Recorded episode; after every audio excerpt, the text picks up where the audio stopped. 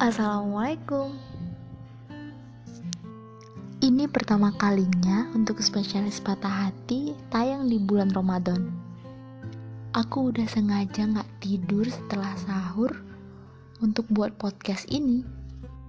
Tapi tetap aja, jam segini baru bisa ceritanya. Hmm, oh iya, kalian pernah gak seneng banget saat dengar kabar doi putus sama pacarnya. Hits, bentar-bentar. Ini bukan memancing emosi kalian, para pendengar setia dari spesialis patah hati. Aku bahkan tidak sedang mendukung para pelakor ya.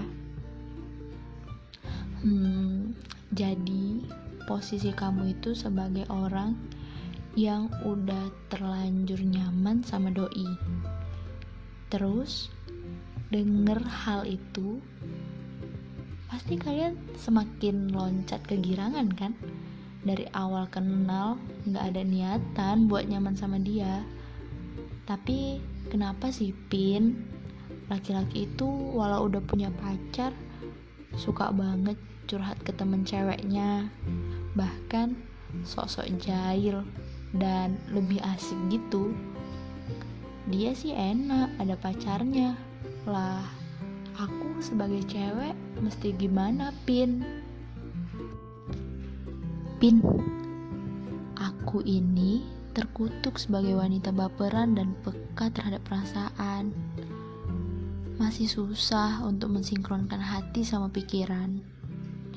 Aku udah sedia tameng buat nahan perasaan yang aneh-aneh. Tapi kan kelakuannya itu selalu aja ya. Manja gitu nyampeinnya ke aku. Jahil sampai ketawa-ketawa bareng. Sumpah ini kondisi paling nyaman. Gimana gak nyaman kan Pin? Yang dibangun oleh cinta itu kan harusnya kebahagiaan. Dan kalau udah ketawa-ketawa kayak gitu kan udah bahagia banget sih rasanya Pin tapi aku nggak bisa berhentiinnya. Walau otakku selalu ngebaca kalau doi emang udah udah ada pacarnya. Kami sama-sama sibuk pin. Aku sibuk terus batas sendiri. Dan dan dia sibuk juga buat ngabari aku.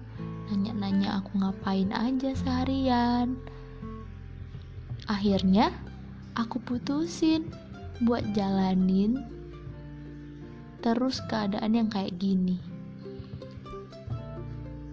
Aku masih sanggup buat ngatasinya. Aku yakin aku kuat dan tetap bahagia, Pin. Aku punya temen cewek yang deket banget sama aku dan deket juga sama doi. Dia tahu aku dekat sama doi yang mana doi ini punya pacar.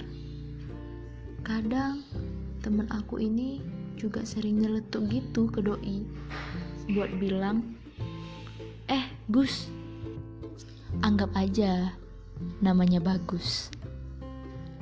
Karena semua nama yang diberi kepada kita itu kan pasti bagus hehe jadi gini nih Gus Mau sampai kapan kau kayak gitu?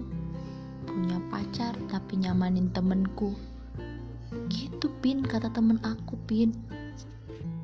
Dan doi malah jawabnya, aku gak bisa milih. Bagiku orang itu di tangga yang sama. Sebel gak Pin kayak gitu? Saat itu aku seneng sih, tapi bercampur kesel juga kenapa mesti sama? Kenapa nggak aku aja yang di tangga lebih atas? Atau kenapa nggak bilang aja oh kalau aku ini cuma temen doang. Ya kalau di tangga yang sama kan aku bisa berharap lebih. Gak lama aku denger dia putus sama ceweknya ini. Terus aku kepo kan ya? Aku tanya dong tapi nggak langsung ke ceweknya karena aku juga nggak pala deket sama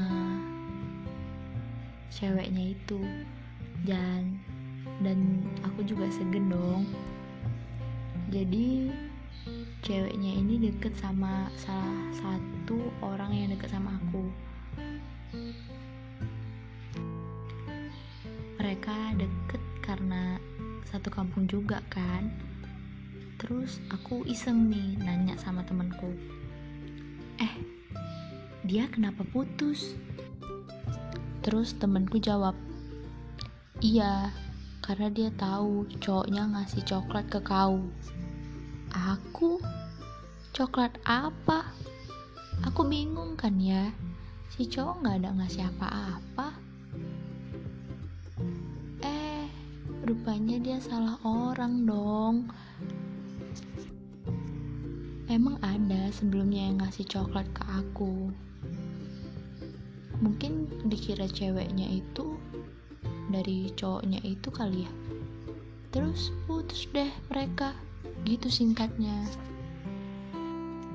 Nah karena aku terlalu baik dan terlalu bodoh padahal aku udah seneng banget loh mereka putus jadi aku bilang lah sama doi eh kalian putus ya? Terus doi jawab iya kenapa? Nah terus ku, jala, ku jelasin lah bahwa cewek dia ternyata salah paham. Dah udah lega nih kan? Bukan karena aku gitu. Ya kali masa orang putus gara-gara aku? Gitu kan nggak lama mereka jadian lagi dong. Aku kesel sama diriku sendiri.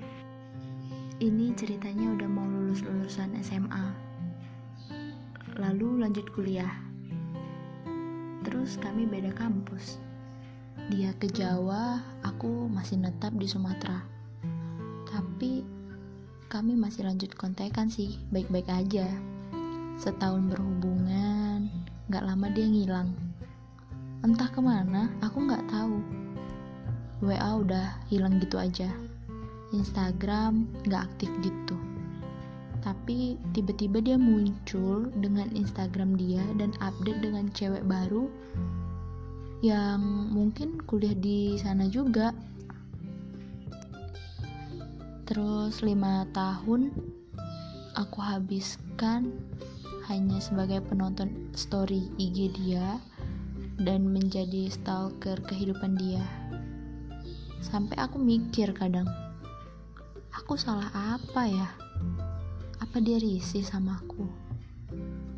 Dari 2015 ke 2020 kami nggak ada kontekan sama sekali lagi. Sampai akhirnya tiba-tiba aku kangen nih terus aku reply story dia. Dia cuma jawab iya. Enggak. Iya. Enggak.